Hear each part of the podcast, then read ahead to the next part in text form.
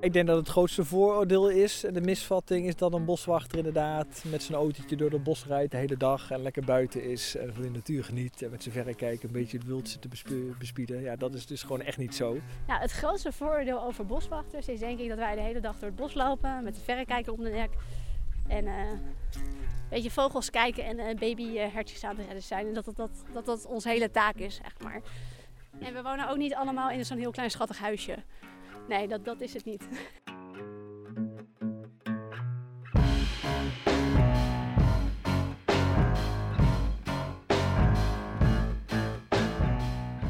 Welkom bij de Dagelijkse Kost, de podcast waarin we op zoek gaan naar de verhalen achter bijzondere, ongewone of juist hele alledaagse beroepen.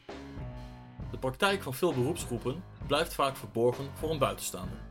Bij de Dagelijkse Kost duiken we in deze werelden om de meest prikkelende verhalen boven tafel te krijgen. Mijn naam is Freek Schreuder en ik zit hier samen met mijn podcastcompagnon Koert Kooijman. In deze aflevering hebben we het over het werk van de boswachter. Tijdens de coronacrisis in 2020 trokken Nederlanders massaal de natuur in. Tegelijkertijd staat door stikstofuitstoot diezelfde natuur onder druk. En zo stond het werk van de boswachter opeens in het centrum van de belangstelling. Reden genoeg om op pad te gaan en een kijkje te nemen in de keuken. Want wat doet een boswachter eigenlijk allemaal? En hoe beheer je de natuur in deze bijzondere tijden? Ik ben op pad geweest met Laurens Jansen. Ja, we lopen nu eigenlijk eh, een beetje in het hart van de Veluwe. We noemen mijn beheergebied de Midden-Veluwe. Laurens begon als aardrijkskundeleraar en is vervolgens het boswachtersvak ingerold. Maar voordat ik hem spreek, gaan we eerst met Freek naar de Schoolse Duinen. Daar liep ik mee met Samuelle van Deutenkom. Je ziet hier eh, een mooi glooiend eh, landschap met in de verte de bosrand. Zij is onlangs afgestudeerd in de ecologie en is vorig jaar begonnen als boswachter. Tijdens onze wandeling door de duinen vertelde Samuelle mij dat veel mensen eigenlijk niet zo goed beeld hebben van wat een boswachter allemaal doet. Boswachter is denk ik een beetje een verkeerd eh, begrepen begrip. Want er zijn heel veel soorten boswachters. Er is niet één boswachter die alles doet. We hebben verschillende types. We hebben de ecologie, tenminste als ik kijk naar de constructie die we bij Staatsbosbeheer hebben. We hebben ecologen, we hebben beheerders en we hebben publieksboswachters. Ecologen zijn degenen die zich bezighouden met de flora en fauna, dus alle planten en dieren. En die eh, zich bezighouden, oké, welke soorten komen waarvoor? Ze monitoren de dieren, dus ze, kijken, ze gaan bijvoorbeeld eh, doen tellingen van hoeveel van die soort hebben we, hoe gaat het daarmee? Wat moeten we doen om die soort te versterken? Dus dat is echt de taak van de ecoloog. De beheerder die doet meer het praktische uitvoer. Dus die gaat kijken, oké, um, moeten we een heidegebied gaan plaggen? Dan, dan, gaat hij kijken wat zijn dan daarvan de effecten en hoe gaan we dat dan aanpakken. Uh, die houdt zich bijvoorbeeld ook bezig met de begrazing. Van gaan we weer schapen neerzetten en wat gebeurt er dan? Die regelt dat. En je hebt de publieksboswachter, dat ben ik. En ik ben heel erg over de, voor de verbinding tussen de organisatie en de buitenwereld. Dus um, dat houdt in dat ik uh, bijvoorbeeld woordvoering doe of nou ja, bijvoorbeeld hier het verhaal vertel. Dat houdt ook in um, dat ik uh, me bezig ga met recreatieve voorzieningen. Dus uh, wandelpaden op orde houden, de bebording uh, bijhouden. dus we hebben eigenlijk allemaal verschillende taken. En we zijn allemaal boswachters. Maar het is niet één boswachter die alles doet. Nou ja, kijk, Staalbosbeheer heeft de drie B's eigenlijk hoog in het vaandel. Beschermen, beleven en benutten. Uh, beschermen staat echt voorop. Dus we zijn ervoor om inderdaad al die natuurterreinen in stand te houden. En die biodiversiteit te beschermen. Al die soorten die in dat gebied uh, leven. Maar daarnaast is dat beleven ook ontzettend belangrijk. En mensen moeten kunnen recreëren in, in het buitengebied, in de natuur. En die moeten die verhalen horen om op die manier ook inderdaad te zien dat het, uh, dat het, dat het van waarde is. Dat is natuurlijk ook heel vaak in de politiek de discussie. Van wat is de natuur nou waard? Hoeveel geld gaan we eraan besteden? Er wordt natuurlijk heel verschillend over gedacht.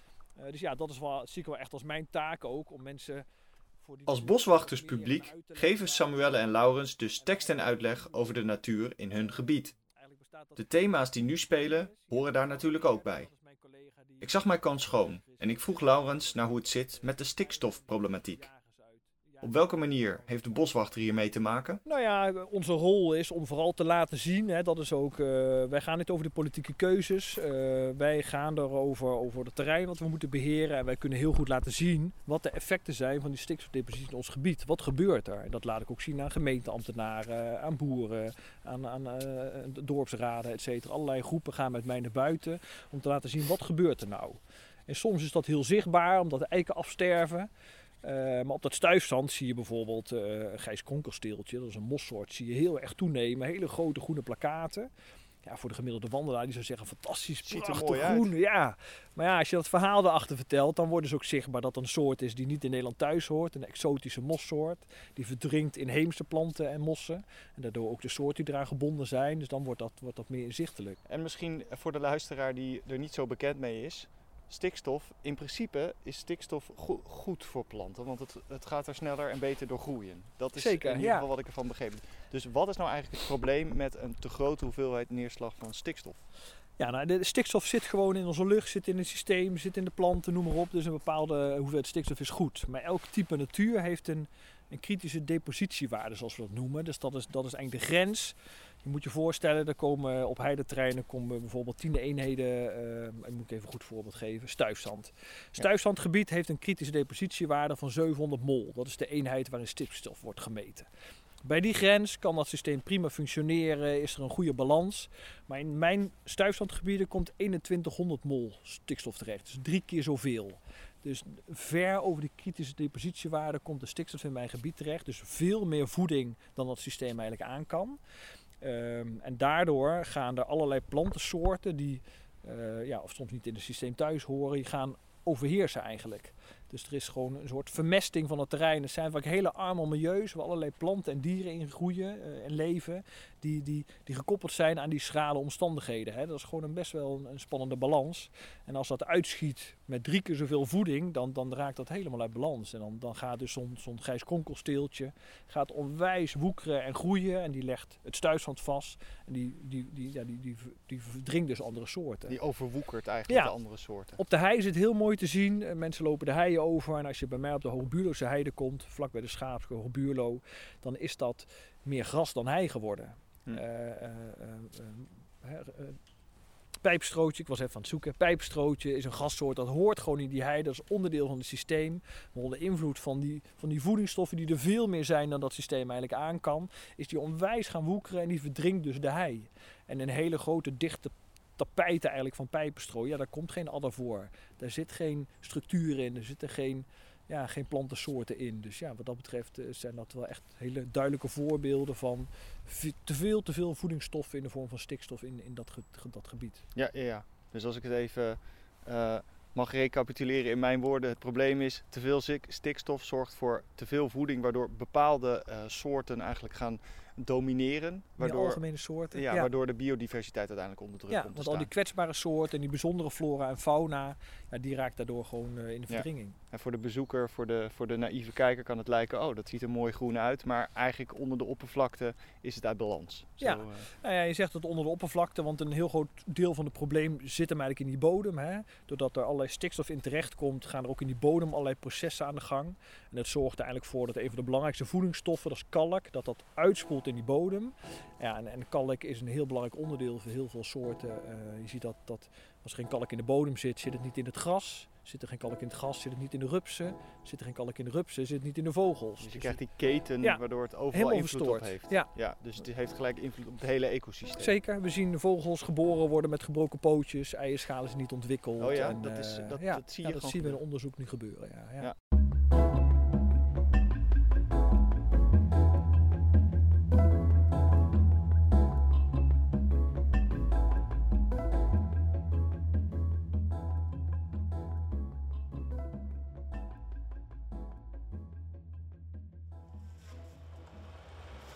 Naast landelijke issues, zoals het stikstofprobleem, houden boswachters zich ook, en misschien wel vooral, bezig met lokale uitdagingen.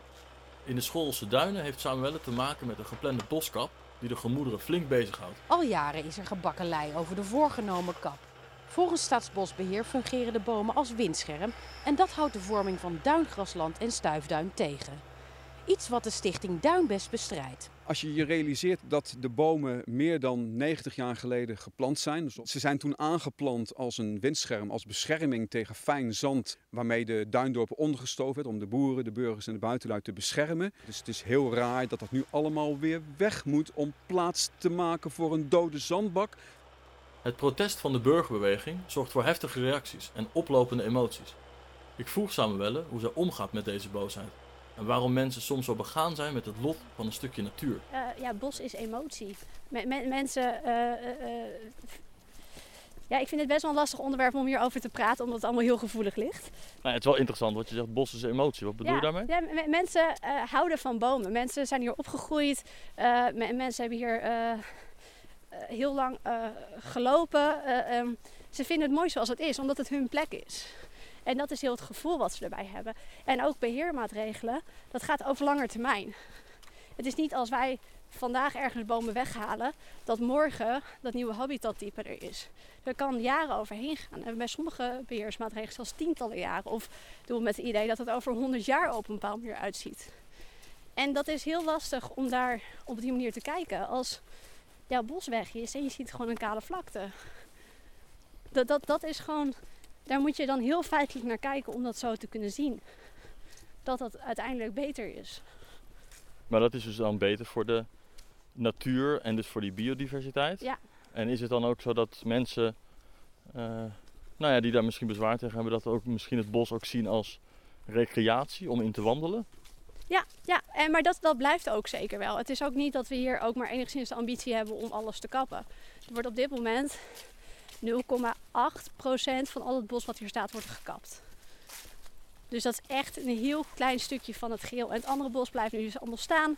Daar kan je nog wandelen. Dus het is niet alsof wij uh, het hele bos van de mensen afnemen.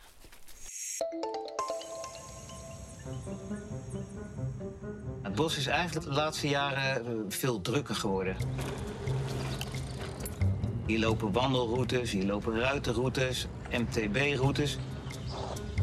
Dus het is in die 20 jaar enorm druk geworden. Zeker in het coronajaar 2020, waarin thuiswerken de norm werd en de grenzen dichtgingen, werden onze natuurgebieden veel bezocht. Het KRO-NCRV-programma De Monitor deed hier onderzoek naar. Uit onze enquête blijkt dat 73% van de boswachters vindt dat de toegenomen recreatie een negatief effect heeft op de natuur. De resultaten van dit onderzoek legde ik voor aan Laurens. Ik was benieuwd of hij ook vindt dat de drukte problematische vormen begint aan te nemen. Ja, nou, ik hoor zeker niet bij de groep die zegt loopt de spuigaten uit. Uh, er zijn zeker zorgen. Uh, maar als ik naar mijn gebied kijk, dan zijn er inderdaad een aantal plekken waar het gewoon behoorlijk druk is. Uh, je ziet dat bijvoorbeeld de fietspaden door mijn gebied, dat zijn echt fietssnelwegen geworden. Er wordt ontzettend veel gefietst. Ja. door de e-bike is er voor een hele grote groep mensen ook mogelijk geworden om veel langer te blijven fietsen. En je ziet dat allerlei recreatieondernemers en bedrijfjes elektrische scooters verhuren. Van die uh, elektrische voertuigen met hele brede banden, zo'n breed stuur. Dus ik vind het daar op die fietspaden een aardige kermis worden eigenlijk. Terwijl Laurens en ik in gesprek waren, kwam een collega van hem ons tegemoet fietsen. De bosonderhoud. Het bleek een naamgenoot te zijn, Andries Jansen.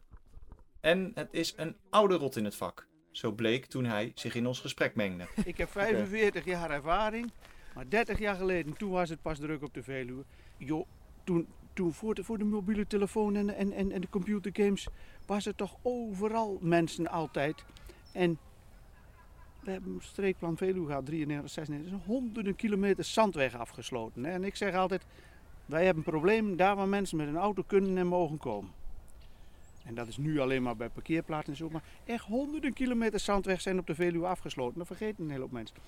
Ik, ik zie die Veluwe alleen nog maar steeds rustiger worden. Alleen, als je de betonfietspaden kijkt, dat is allemaal file rijden. Dat is al een vorm van zonering. Iedereen gaat achter elkaar aan. En wat doen we? Fietsen, fietsen, fietsen. Mountainbiken zit ook nog gigantisch in de lift nog steeds. Ik zie ontzettend veel mensen doen. Maar even, even een voorbeeld schetsen. Ik, van week ook, ik kom eraan fietsen. Drie dames op het pad, helemaal in hun eigen bubbel aan kletsen. Zeg, goedemiddag, mag ik even passeren? Nou joh, ze rollen tegen de grond van schrik. En, en dat hebben ze met mountainbikers ook. Eh, Die mensen, die horen, het is net alsof ze geen zintuigen meer hebben af en toe. Joh. Ze, ze, ze zien je niet, ze horen je niet. Eh, Het is, het is, het is, onvoorstelbaar. Dan voel je al snel overvallen. Ja, ik, ik mag nog wel een AED in de tas drukken, want eh, er gaat er vandaag morgen een keer een tegen de vlakte, die schrikt zo. Maar ja, doe je dit, is niet goed. Aan de kant is niet goed. Goedemiddag mag ik passeren, is niet goed. Ze schrikken altijd. Ze schrikken altijd.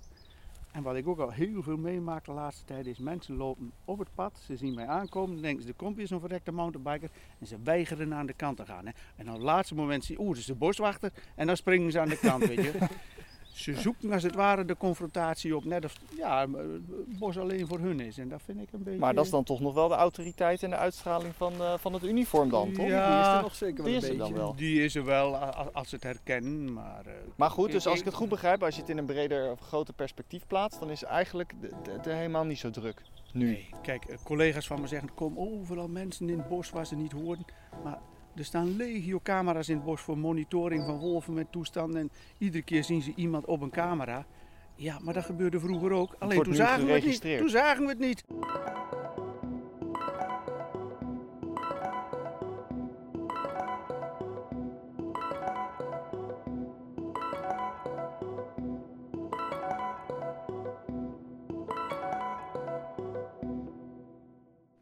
Hoe, hoe zie jij de toekomst van het werk voor je? Want je, je doet dit nu al een, eh, nou ja, een jaar of tien? Zeven ongeveer. Oh, zeven? Ja. Ehm, ja, hoe, hoe ziet dit werk eruit over 10, 20 jaar? Gaan, gaan er dingen heel ingrijpend veranderen, denk je? Of, of niet?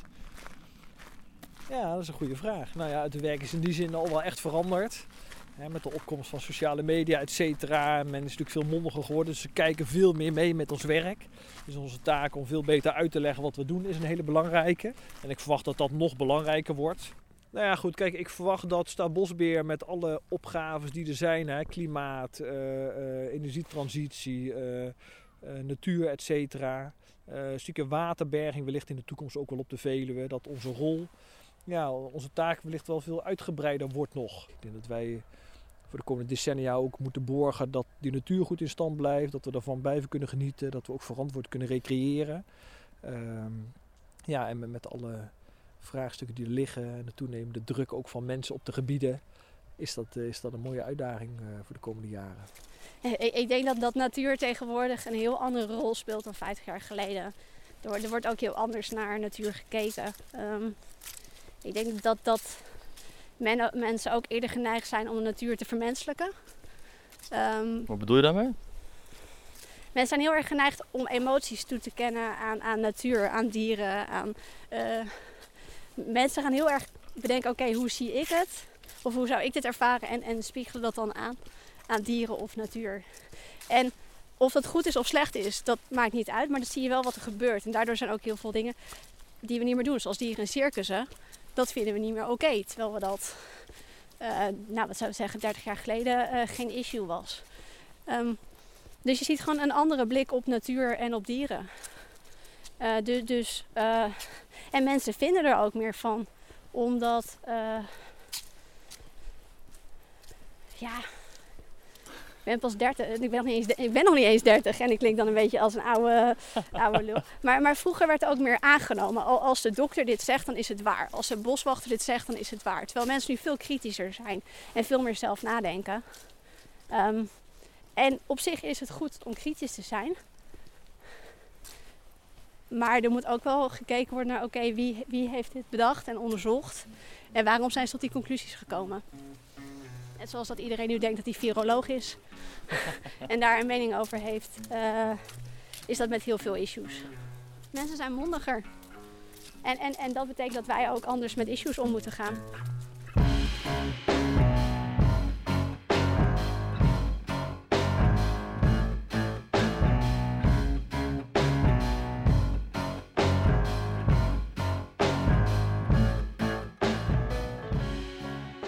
U luisterde naar de dagelijkse kost over het werk van de boswachter. Ik spreek mijn dank uit aan Laurens Jansen voor een mooie wandeling op de Veluwe. Ja, we kijken uit op een fantastisch asymmetrisch droogdal uit de laatste ijstijd eigenlijk. Maar ik word daar wel enthousiast van. En ik bedank Samuelle van Deutenkom. voor haar gastvrijheid in de Schoolse duinen. Ja, mijn, mijn zakken zitten ook echt helemaal vol met zand. Dat is echt verschrikkelijk.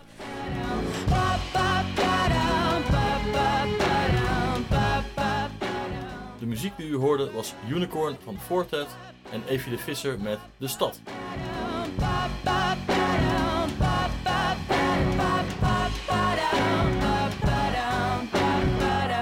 De Dagelijkse Kost is een podcastserie van het Podcasthuis. Productie, redactie en montage door Freek Schreuder en Koert Kooijman. Geïnteresseerd in een eigen podcast of wil je met ons samenwerken? Stuur een mailtje naar info.podcasthuis.com.